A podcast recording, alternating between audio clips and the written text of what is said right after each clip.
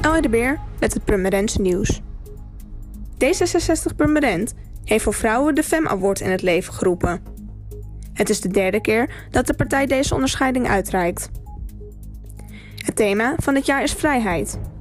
De onderscheiding is op 8 maart tijdens Internationale Vrouwendag. D66 ontvangt graag nominaties met motivatie onderbouwd via d66permanent.gmail.com. In het eerste kwartaal van 2021 verlaat de politie het pand aan de Waterlandlaan en verhuist dan naar een nieuw onderkomen aan Componet 96 in de Baanstee. Om het pand geschikt te maken voor specifieke politietaken is een wijziging van het bestemmingsplan noodzakelijk. De politie is al begonnen met de communicatie met de omgeving over de plannen.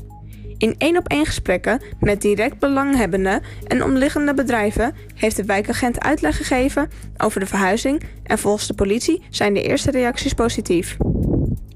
De gemeente wil samen met de politie in een later stadium de inwoners van Permanent nader informeren over de noodzaak van de verhuizing.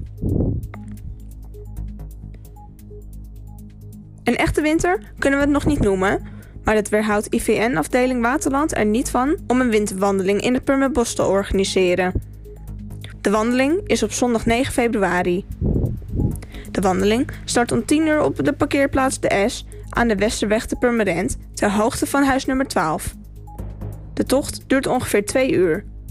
Voor meer informatie kunt u kijken op onze website. Voor meer nieuws, kijk of luister je natuurlijk naar RTV Permanent, volg je onze socials of ga je naar rtvpermanent.nl.